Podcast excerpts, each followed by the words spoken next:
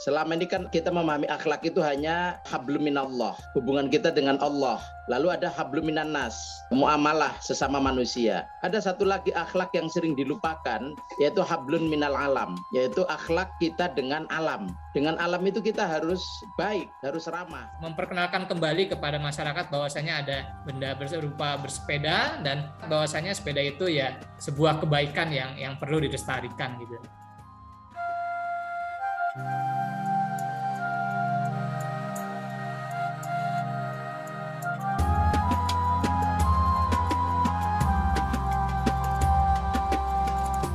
Assalamualaikum warahmatullahi wabarakatuh. Kamu lagi dengerin podcast Ramadan Vibes bareng saya Reski Mesanto. Apa kabar?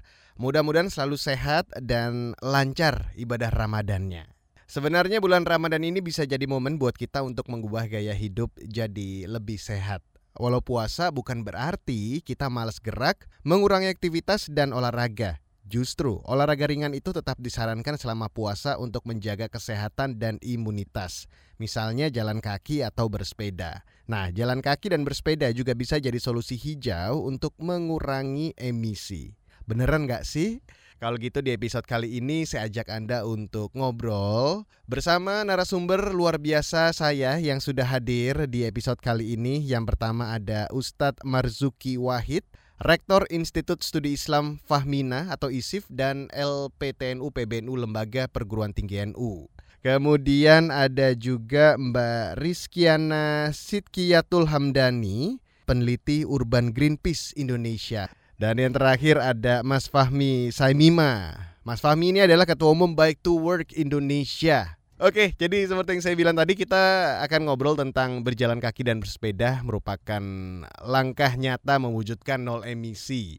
Langsung aja ke Mbak Sidki ini berdasarkan laporan World Air Quality 2021 kualitas udara di Indonesia ada di peringkat ke-17 negara dengan kualitas udara khususnya partikel PM2.5 terburuk di dunia. Bagaimana menurut Mbak Sidki tentang fakta ini dan apa sih sebetulnya Mbak penyebab Indonesia bisa berada di posisi yang kita nggak boleh bangga dengan posisi ini nih Mbak. Agak berat sebenarnya nih pertanyaan pembukanya ya teman-teman vibesnya langsung hajar gitu langsung ngomongin particulate matter gitu. Cuman mungkin kita agak step back dulu ya Indonesia kan luas ya. Maksudnya pencemarannya ada macam-macam banget gitu Mas Rizky dan teman-teman pendengar semua gitu. Nanti paling enggak di sini kita harus tahu bahwa setiap wilayah itu punya masalah pencemarannya sendiri gitu di Indonesia kan. Nanti yang didominasi area hutan, nanti isu di sana berarti sumbernya adalah pembakaran hutan dan segala macam. Nah, berbeda nanti dengan yang akan kita bahas. Kita akan banyak bicara soal konteks kota gitu. Jadi yang memang pencemaran udara yang terjadi di kota kayak gitu. Nah, kenapa kita harus aware sama perbedaan ini? Karena kalau misalnya kita nggak aware nanti nggak nyambung ngobrolnya gitu. Maksudnya nggak nyambung penanganannya nggak nyambung nanti aksi-aksinya juga gitu. Jadi mungkin kita akan batasi dulu di kota ya. Nah, terus PM25 barangkali banyak yang bingung juga Mas Rizky, apaan sih itu PM25 mm-hmm. gitu kan? Itu gas jenis apa gitu? Itu makhluk apa gitu yang ada? Kok bisa dia di diibaratkan sebagai suatu yang kasar atau kotor gitu yang yang kayak tadi Mas Rizky kita nggak boleh bangga loh kita punya banyak sekali PM25 nah jadi PM25 tuh singkatan dari particulate matter ya atau bagian dari pencemar udara gitu. Jadi kalau kita tahu kan ada gas karbon monoksida ada gas CO2 dan segala macam dari hasil pembakaran. Nah ini ada juga salah satunya adalah si particulate matter gitu. Nah 25 ini adalah ukurannya gitu. 25 itu adalah 2,5 mikrometer. Bayangin milimeter udah kecil kan? Nah ini mikrometer Nah, kalau dibayangin sekecil apa, bayangin satu satu helai rambut kita itu kan udah sekecil itu ya. Nah, itu si PM25 ini ukurannya 3 persennya gitu. Bayangin sekecil apa gitu si PM25 ini. Nah, ini partikulat ini yang kemudian menjadi partikel yang karena ukurannya sangat kecil ini jadi sangat berbahaya yang tadi Mas Reski langsung bilang gitu. Kalau saya ngutip dari beberapa sumber ya disebutnya sebagai pembunuh diam-diam gitu. Maksudnya saking kecilnya, saking kita nggak bisa lihat dan bahkan masker yang bisa buat ngefilter aja tuh cuman N95 gitu yang yang emang udah ibarat kata tuh ngap banget gitu kalau kita pakai gitu. Jadi itu yang yang bikin bahayanya dan bahayanya bukan cuma yang bikin kayak sesak nafas atau apa gitu enggak tapi bisa sampai ke kematian dini gitu. Ada banyak riset yang memang menunjukkan banyak kaitannya gitu. Jadi si kematian dini ini karena tadi karena terlalu banyak si PM25 ini. Nah kalau sampai sana sebenarnya saya agak merinding ya karena memang dampaknya dari si PM25 ini bukan cuma yang tadi bukan cuma ISPA atau misalnya kalau sekarang kan kita tahu ada COVID bisa memperparah juga dan segala macamnya. Tapi kalau kita nyebut angka nih tahun 2015 itu di seluruh dunia ada 4,2 juta kasus gitu yang yang dikaitkan dengan pencemaran PM25 ini. Dan kalau di Indonesia sebenarnya ada riset masih kurang banyak sebenarnya risetnya, cuman yang terbaru itu ada di tahun 2010 waktu itu diestimasikan kurang lebih ada ada 5,5 juta kasus yang berkaitan dengan pencemaran udara ini dan biaya penanganannya sampai 68,5 triliun rupiah. Gitu. Jadi sebesar itu dampaknya. Nah terus pertanyaannya adalah dari mana? Gitu dari mana sih sebenarnya si, si makhluk-makhluk kecil ini? Gitu. Nah karena tadi kita bicara konteksnya kota, maka ketika kita lihat hasil inventarisasi emisi udara di perkotaan itu 42 sampai 57 persennya berasal dari asap knalpot kendaraan. Jadi ini yang pada akhirnya menjadi hal yang sangat relevan untuk kita bicarakan gitu kemudian apalagi di momen Ramadan ini kan kita benar-benar merefleksikan gitu. Kalau misalnya kita berkontribusi sebesar itu gitu dalam pencemaran udara dan utamanya PM2.5 ini terus apa gitu kemudian yang bisa kita lakukan gitu. Karena sangat penting dan dan sumber asap knalpot kendaraan ini kan bukan motornya aja gitu. Tapi si pemakai motornya itu si pemakai mobilnya itu yang di mana itu adalah ya kita kita ini gitu, kota. Tadi Mbak Sidki sudah sempat bilang bahwa salah satu penyebab dari kekacauan yang tadi saya sempat obrolin dengan Mbak Indonesia berada di urutan ke-17, bukan sesuatu yang membanggakan. Nah, salah satu penyebabnya adalah karena pencemaran udara di perkotaan, terlebih dengan gas buang kendaraan bermotor. Nah, secara pribadi sebetulnya apa sih kekhawatiran yang muncul dari Mas Fahmi Ya, sebelumnya revisi dulu deh. Kita bukan yang anti mesin ya atau mm -hmm. anti kendaraan mobil dan lain sebagainya. Sementara bagi kita sih ini proses bagaimana bijak dalam dalam menggunakan transportasi gitu. Karena kami tetap berprinsip dalam visi kami itu ingin memberikan kualitas hidup yang layak ya bagi bangsa Indonesia. Layak itu bukan berarti harus sepedahan atau harus jalan kaki sih, karena manfaat sepeda dan berjalan kaki itu mungkin ya semua orang atau anak-anak kecil juga pasti tahu gitu. Tapi ada hal yang lebih besar, misalnya eh, menggunakan transportasi publik, lalu mengintegrasi dengan jalan kaki dan bersepeda itu juga lebih bermanfaat gitu. Kalaupun yang saya bilang tadi bijak dalam berkendara ya, kalaupun kita punya kendaraan mobil atau sepeda motor mungkin untuk yang punya jarak lebih jauh ya atau lebih yang memang membutuhkan mobilitasnya tingkat tinggi gitu. Seperti saya pun masih menggunakan dalam artian karena fasilitas tempat kerja lalu harus ketemu klien, harus rapat sana sini dan macam-macam sehingga masih menggunakan kendaraan lain gitu. Jadi prinsipnya baik to work tuh ingin berupaya membuat kualitas hidup yang lebih baik dengan dengan sepeda gitu. Nah,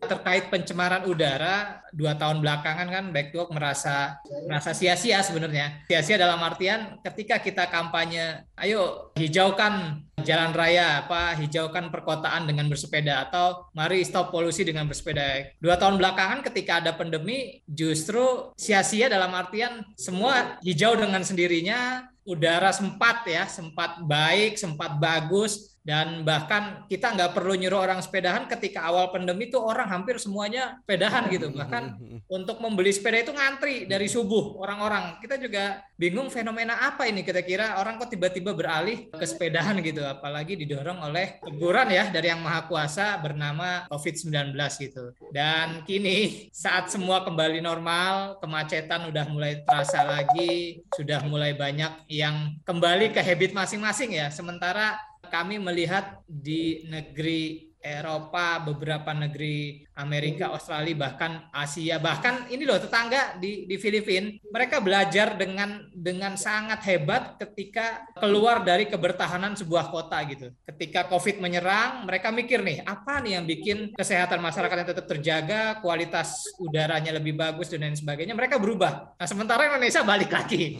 Balik lagi ke habit macetnya malah nambah parah, lalu konsumsi mobilnya malah nambah parah, bahkan anehnya pemerintah kasih kebijakan bebas pajak kendaraan bermotor kalau beli motor gitu. Bahkan ini bentar lagi bebas pajak STNK dan iuran tahunan bagi yang membeli e-vehicle atau kendaraan listrik gitu. Tapi ya ya itu fenomenal lah. Sementara baik to work tetap istiqomah dalam melakukan pilar edukasi, campaign, sosialisasi dan lain sebagainya. Tapi menarik tadi Mbak Sidgi sampaikan, sebenarnya ada satu hal yang membuat ancaman bahaya begitu tinggi ya dan ini diakui oleh seluruh dunia yaitu penyakit mager atau malas bergerak. Nah, ini jadi pembunuh nomor satu di dunia. Jadi kanker itu mengalahkan segalanya. Jadi malas bergerak bagi manusia itu ternyata membuat turunan penyakit yang luar biasa ini ya, luar biasa apa banyak ya ya kanker, ya obesitas dan sebagainya. Malas bergerak tuh apa? Ya main HP di di rumah, nggak mau bergerak gitu. Nah, kita dorong supaya orang-orang mau bergerak salah satunya dengan bersepeda gitu. Dan kami yakin dengan kemanfaatan bersepeda itu akan melestarikan apa yang yang hal-hal baik yang akan kita ciptakan di masa yang akan datang gitu. Kita ke Ustadz Marzuki. Nah, sebetulnya nih Ustadz, bagaimana nilai-nilai dalam Islam yang mendukung soal kepedulian lingkungan dan kelestarian alam, apalagi ini momennya Ramadan kan?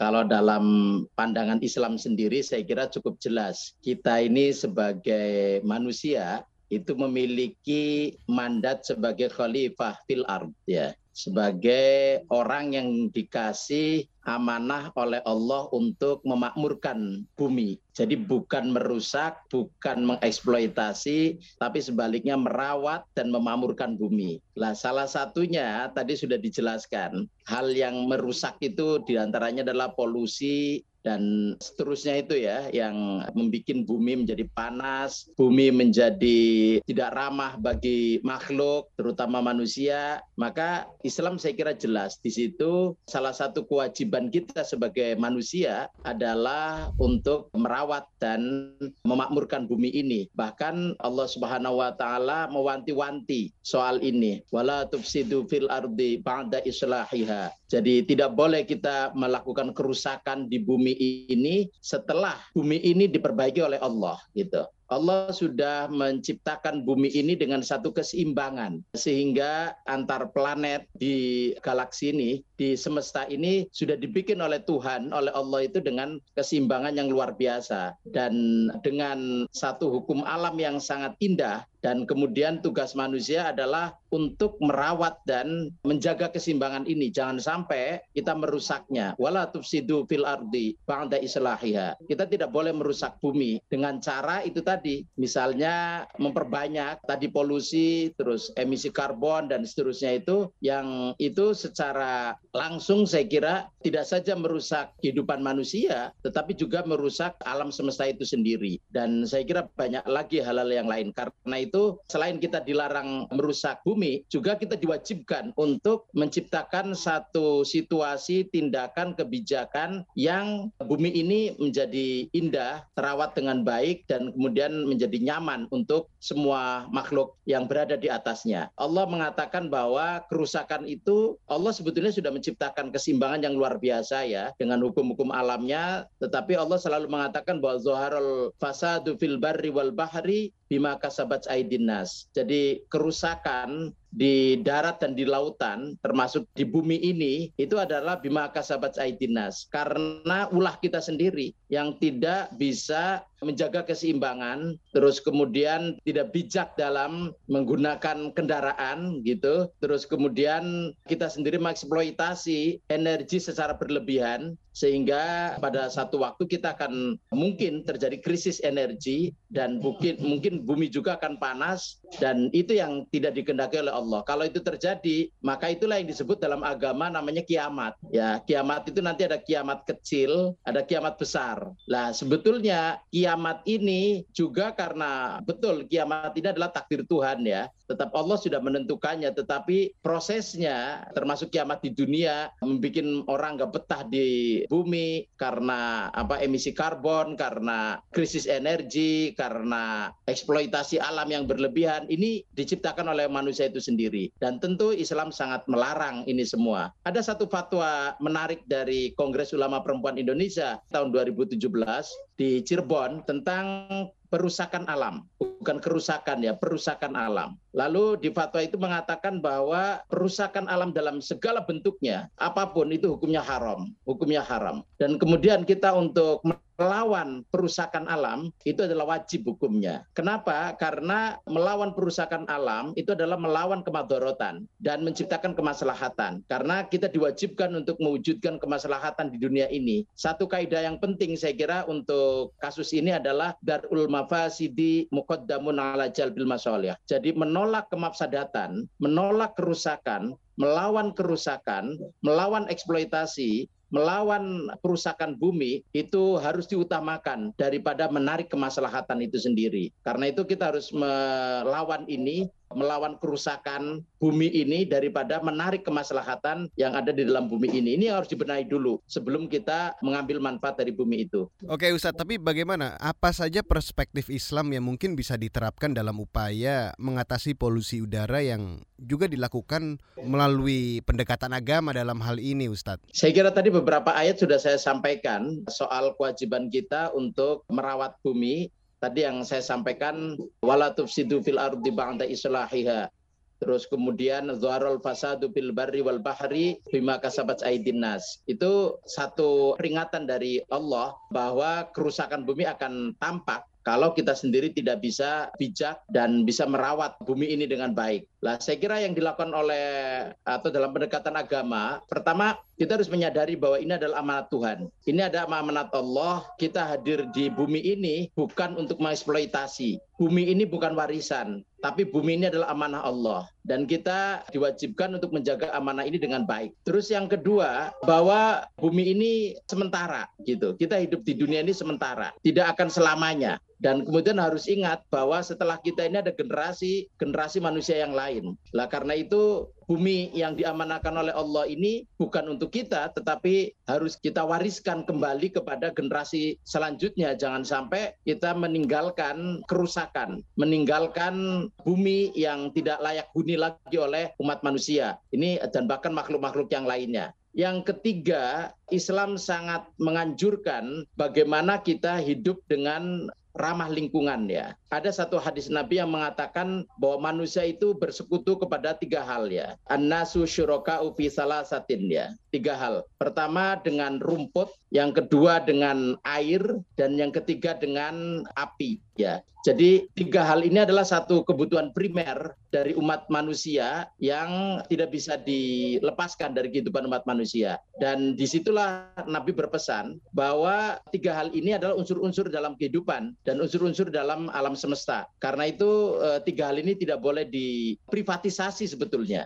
Air, tanah, dan api itu, udara itu, itu tidak boleh diprivatisasi. Karena ini adalah milik Tuhan yang harusnya semua makhluk berhak untuk memperolehnya. Diprivatisasi nggak boleh, dikomersialisasi pun nggak boleh. Tapi sekarang kenyataannya hampir tiga hal ini sudah diprivatisasi dan dikomersialisasi oleh perusahaan-perusahaan besar. Sehingga sudah dikapling-kapling. Jadi betapa sebetulnya kita ini sudah sangat rakus untuk menjaga amanah Allah ini. Oke, saya mau ke Mbak Sidki. Ini kita lagi ngobrolin tentang bersepeda dan jalan kaki.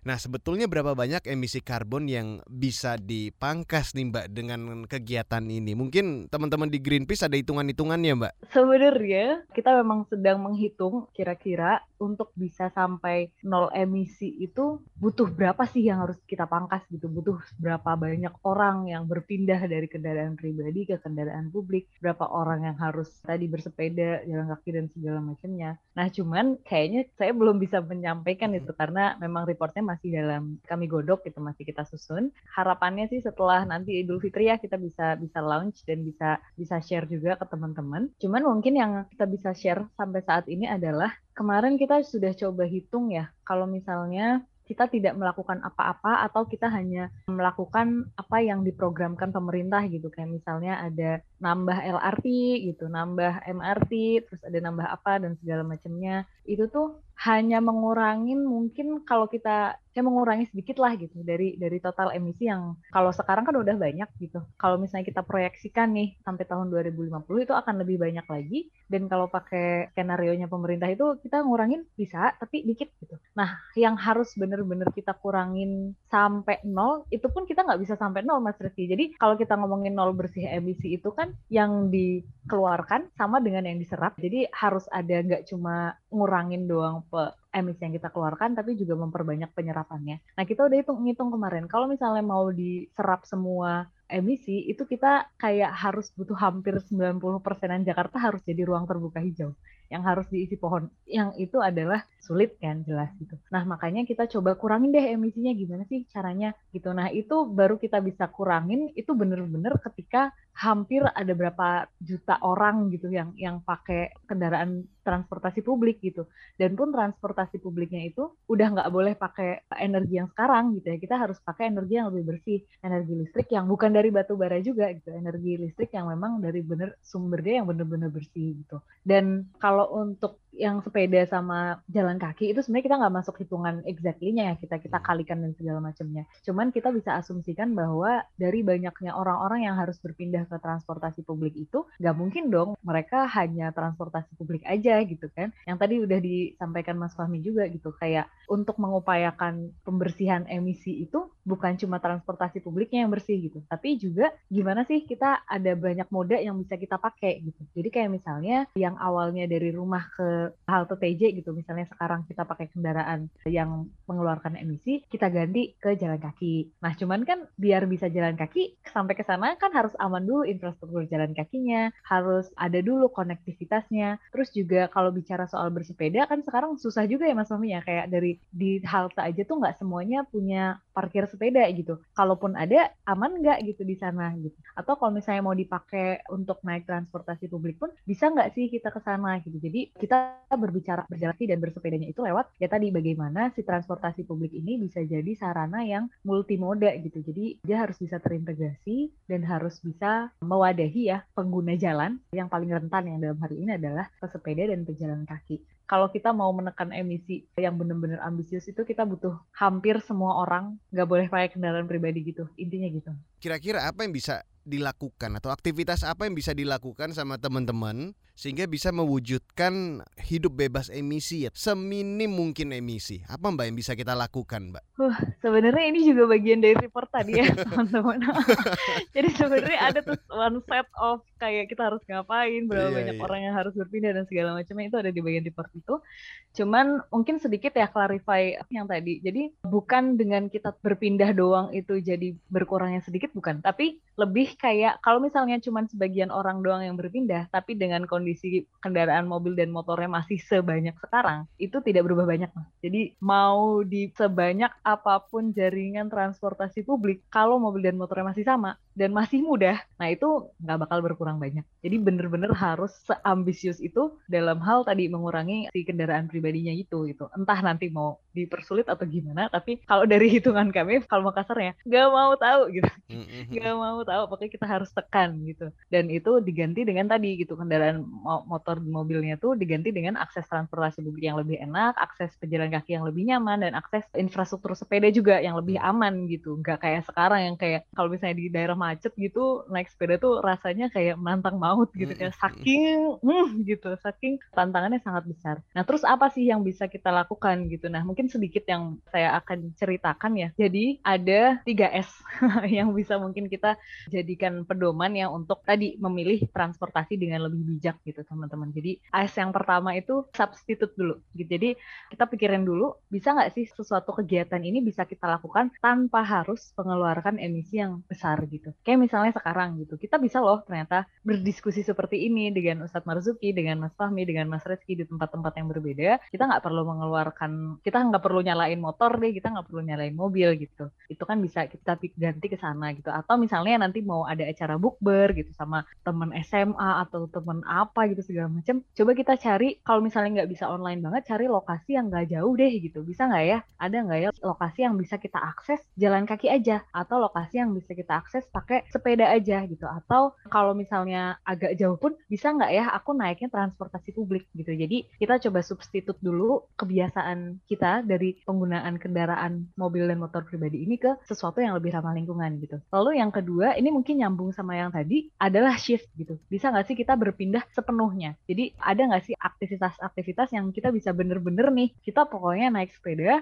untuk kebutuhan sehari-hari kita untuk bekerja gitu. Itu kan sebuah shift yang yang sangat gitu. Dan yang terakhir yang mungkin juga uh, S yang terakhir nih yang yang mungkin bisa relate sama Ramadan vibes ini adalah kita pilih transportasi itu yang Allah kira-kira sukanya yang mana sih gitu. Jadi sebelum kita keluar rumah nih, sebelum kita bener-bener kayak kita pikir dulu dalam hati, kira-kira Allah suka nggak ya kalau gue pakai ini gitu. Kira-kira Allah bakal ridho nggak ya kalau aku pakai kendaraan ini gitu. Kita timbang-timbang dulu. Jadi kayak 3S tadi, substitute, shift, dan apa yang Allah suka ini kita pikirkan dulu gitu. Kalau misalnya belum bisa kayak, aduh berat nih gue, gue nggak bisa deh kayaknya gitu. Kalau misalnya masih berat, nggak apa-apa di tataran pikiran dulu. Tapi paling nggak si refleksi ini bisa kita praktikkan untuk kita pelan-pelan nih, yang tadinya nggak merasa kayak ya udahlah ya yolo aja gitu kan. Hmm. kayak ya udahlah gas aja pokoknya namanya juga kebutuhan segala macam bisa pelan-pelan jadi mulai kok nggak nyaman ya? Kok ada rasa-rasa bersalah ya? Terus pelan-pelan kita semakin membiasakan tadi berpikir apa yang bisa kita ganti? Apa yang bisa kita ubah? Apa yang Allah suka? Kita bisa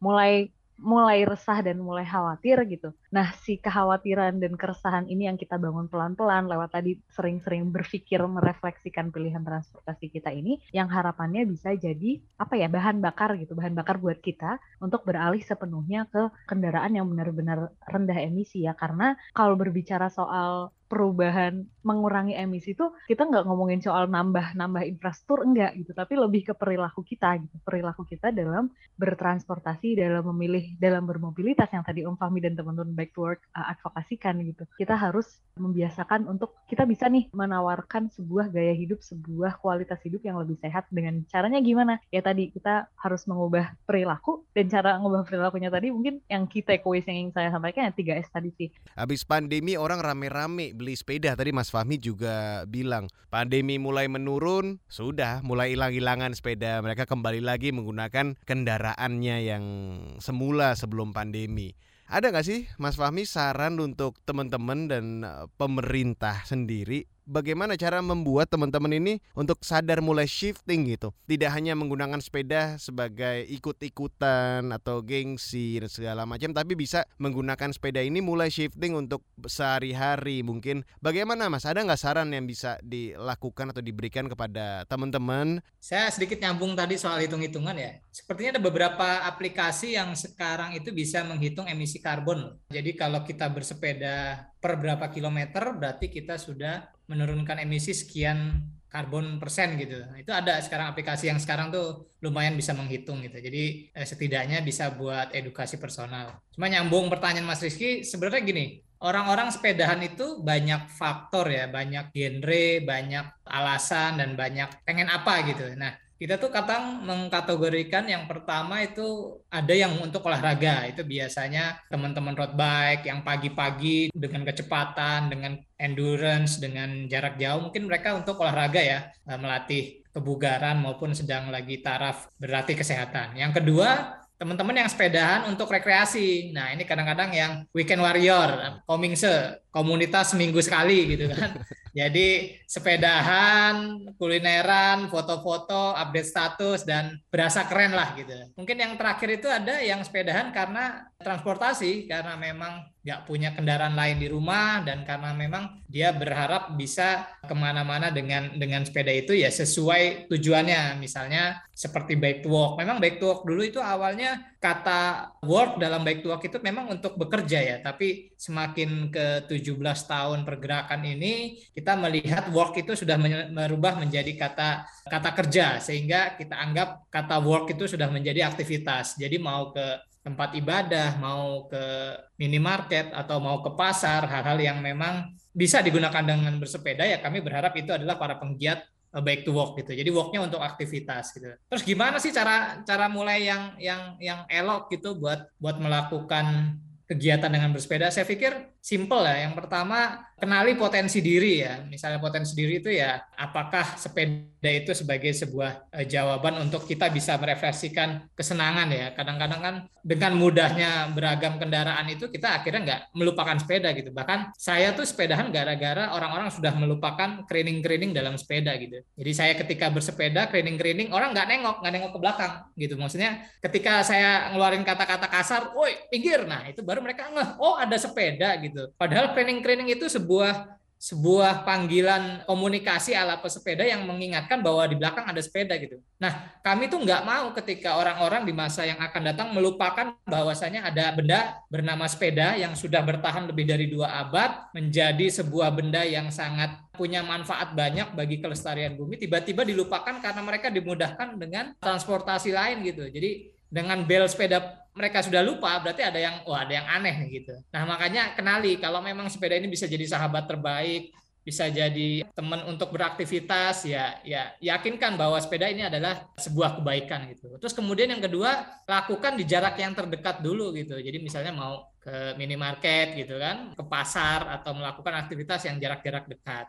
Yang ketiga Tiga, pastiin nih kalau misalnya uh, sepeda itu sudah sesuai dengan apa yang kita butuhkan gitu. Jadi kalau hanya untuk jarak-jarak terdekat ya sepeda mini atau sepeda sepeda ibu-ibu biasa atau sepeda BMX biasa itu sudah cukup gitu. Nanti setelah itu baru beralih ketika kesukaan kita sudah melewati level ya pasti akan uh, merubah genrenya dan di sanalah baru masuk ke genre sepeda itu sebagai uh, gaya hidup. Tapi kita nggak mau jauh-jauh minimal memperkenalkan sepeda di usia dini, memperkenalkan kembali kepada masyarakat bahwasanya ada benda berupa bersepeda dan bahwasanya sepeda itu ya sebuah kebaikan yang yang perlu dilestarikan gitu. Dan negeri ini tuh aneh juga ya kadang-kadang dia menandatangani perjanjian Paris Agreement itu ya tahun 2017 ya Paris Agreement untuk untuk concern dan dan yakin akan mengurangi emisi karbon sebanyak 29 sampai 40 persen. Ini negeri ini udah janji loh sama dunia. Oke kita akan nurunin karbon. Ya caranya macam-macam. Sampai detik ini pun nggak ada lebih dari enam persen mereka berhasil gitu karena emang nggak ada kemauan. Pertama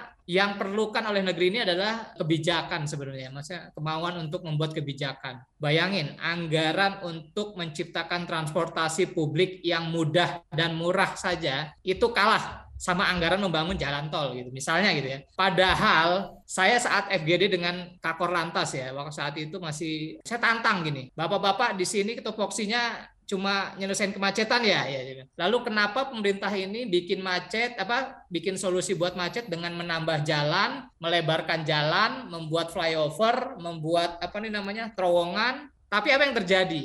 Dua tahun tiga tahun yang akan datang tetap macet gitu kan? Nggak ada pikiran-pikiran paradigma yang bisa uh, uh, uh, keluar dari dari anggaran yang sama gitu. Jadi solusi pemerintah ini kalau keluar dari macet ya jalannya dilebarin, ditambahin, dibuat tol, dibuat jembatan, dibuat apalagi flyover dan lain sebagainya. Itu berulang-ulang seperti itu gitu. Sementara anggaran untuk membuat fasilitas publik eh, yang baik ya, trotoar yang baik, yang adem biar orang bisa mau sepedahan, bisa orang mau jalan kaki dengan dengan enak gitu, lalu memudahkan transportasi umum dan lain sebagainya itu malah nggak jadi prioritas gitu. Bahkan tarif kendaraan transportasi publik itu ditentukan sama DPR gitu. Tarik ulur gitu. Kan lucu gitu. Padahal itu buat buat masyarakat gitu. Yang lebih aneh G20 gagah-gagahan jadi presidensi. Wah, jadi pemimpin tingkat dunia. Lalu kita sudah bilang ada satu bahasan yang bernama transisi energi dari tiga pokok bahasan G20. Lalu apa yang terjadi? Malah diproyeksikan oleh pemerintah bahwasanya kita harus beralih ke kendaraan listrik. Listrik itu terkait dengan investasi, akan produksi batu bara, nikel, kobalt yang kita punya banyak sehingga hitung-hitungannya transaksi, hitung-hitungannya matematis. Padahal ada yang lebih berharga daripada ngomongin soal beralih transformasi kendaraan ke listrik, yaitu ya sepeda berjalan kaki dan transportasi publik gitu. Dan ini tidak digaungkan di G20. Bersepeda tuh nggak ada hitungan industri, nggak ada hitungan apa-apa gitu. Tapi kalau ngomongin listrik, baterai, lalu mengurusi sumber daya yang akan dikeruk lagi di, di negara ini, itu banyak. Dan negara akan untung. Lalu contoh misalnya kita ganti kendaraan ke listrik paling berapa? 4 5 tahun udah habis itu apa Paris Agreement-nya sudah habis dan berapa persen sih? Wong bentuknya sama kok, motor kendaraan listrik bentuknya sama kok macet juga macet juga kok gitu. Benar kata Ustadz Marjuki, istiqomahnya terhadap kita sebagai manusia beragama gitu. Mau kayak apa sih berbuat sesuatu terhadap lingkungan dan kelestariannya. Dari sisi agama sendiri bagaimana sih penjelasannya mungkin kepada anak muda tentang mengatasi perubahan iklim dan mewujudkan nol emisi ini melalui pendekatan agama? Mas Fahmi bilang bahwa bersepeda itu adalah kebaikan. Dan tadi Mbak Sidki juga menyebut itu soal yang perlu kita ubah itu adalah perilaku. Ya, perilaku kita, gaya hidup, mindset kita soal transportasi, berkendaraan, dan juga migrasi dan seterusnya itu. Nah, ini kan terkait soal akhlak. Jadi Islam itu Nabi Muhammad terutama diutus oleh Allah itu untuk menyempurnakan akhlak ya. Hadisnya yang sering popu, yang populer yaitu in nama bu'istu liutam mima makarimal akhlak. Kata Nabi sesungguhnya saya diutus oleh Allah semata-mata untuk menyempurnakan akhlak manusia. Nah, salah satu akhlak kita ini, selama ini kan kita memahami akhlak itu hanya hablum minallah, hubungan kita dengan Allah. Kita sholat, kita melakukan ibadah dan seterusnya itu. Lalu ada habluminan nas, muamalah sesama manusia. Ada satu lagi akhlak yang sering dilupakan, yaitu hablun minal alam, yaitu akhlak kita dengan alam. Dengan alam itu kita harus baik, harus ramah dengan bumi, dengan tumbuh-tumbuhan dan seterusnya itu sehingga bumi itu makmur. Lah ini yang sering dilupakan bahwa kita memiliki akhlak hablum minal alam. Bagaimana kita sikap, perilaku, tindakan, pikiran kita itu tidak saja membawa kebaikan untuk manusia dan untuk Tuhan, tetapi juga untuk alam. Karena alam itu juga makhluk Tuhan, makhluk Tuhan yang memiliki kontribusi terhadap kemakmuran bumi ini. Karena itu kita harus memiliki sikap dan perilaku yang ramah terhadap alam. Kita tidak boleh mengeksploitasi sumber daya alam tidak boleh berlebihan memanfaatkan itu tanpa mempertimbangkan keberlangsungannya. Dan tadi yang disampaikan oleh Mbak Sidki dan Mas Fahmi soal solusi, bagaimana mengatasi kemacetan, mengatasi, saya setuju semuanya itu. Saya kira ini perlu ada political will yang luar biasa dari pemimpin ini ya, untuk mengubah dan menyikapi perubahan iklim dan perubahan alam yang begitu dahsyat ini. Itu nggak bisa dilakukan oleh semata-mata oleh gerakan masyarakat sipil, tetapi harus ada kebijakan yang mendukung dan mendorong ini semua. Karena misalnya soal kendaraan listrik itu tidak akan mengubah apa-apa, tapi tidak pernah mendorong bagaimana orang hidup untuk sehat, membuat trotoar yang yang ramah, yang layak, yang nyaman. Di NU ada ukhuwah Islamiyah, ada ukhuwah Watoniyah, lalu ada ukhuwah Basyariah ya. Ukhuwah Islamiyah itu persaudaraan karena didasari oleh nilai-nilai keislaman, biasanya diartikan sesama orang Islam gitu. Ukhuwah Watoniyah, nilai-nilai yang didasari oleh nilai-nilai kebangsaan dan itu sesama bangsa tanah air dan ada ukhuwah Basyariah sesama manusia. Tapi ada satu lagi yang harus dikembangkan yaitu ukhuwah makhlukiyah, yaitu persaudaraan yang didasari oleh makhluk hidup gitu sesama kita makhluk hidup kita harus bersaudara. Dan tidak boleh saling mengeksploitasi, tidak boleh saling menegasikan, tidak boleh saling merusak, tapi kita harus bersaudara dengan dengan alam, dengan udara, air, tumbuh-tumbuhan dan semuanya itu. Ini yang nggak pernah dikembangkan, padahal ini termasuk bagian dari ajaran keagamaan yang sangat penting. Dan ini jarang didengukan juga oleh agamawan kita. Dan menurut saya ini penting untuk disuarakan kembali sehingga agama menemukan ruhnya dan jiwanya untuk menjaga kehidupan ini dan menjaga kelestarian bumi sebagaimana Allah amanatkan kepada umat manusia. Terima kasih untuk ketiga narasumber saya yang luar biasa hari ini dan sebagai bagian kampanye Green Ramadan Greenpeace meluncurkan game Truth or Dare yang bisa kamu mainkan di website umahforearth.org. Jadi game ini menantang kamu untuk mengatakan truth atau kebenaran mengenai informasi lingkungan dan keberlanjutan yang perlu kamu ketahui lebih lanjut dan dares atau tantangan mengenai tantangan yang harus dilakukan. Jangan lupa tantang orang lain di sekitarmu dan sertakan tagar hashtag Ramadan Seru, hashtag Dare Together, hashtag Challenge to Action, hashtag Uma for Earth, hashtag Krisis Iklim, dan hashtag Clean Air Now. Jadikan bulan Ramadan ini sebagai langkah untuk sama-sama jaga kelestarian bumi. Hal-hal kecil bila dilakukan sesering mungkin dan menular ke banyak orang bisa menjadi seribu lebih kebaikan untuk bumi. Terima kasih buat kamu yang sudah dengerin podcast Ramadan Vibes persembahan Greenpeace Indonesia dan KBR Prime. Sampai jumpa lagi. Wassalamualaikum warahmatullahi wabarakatuh.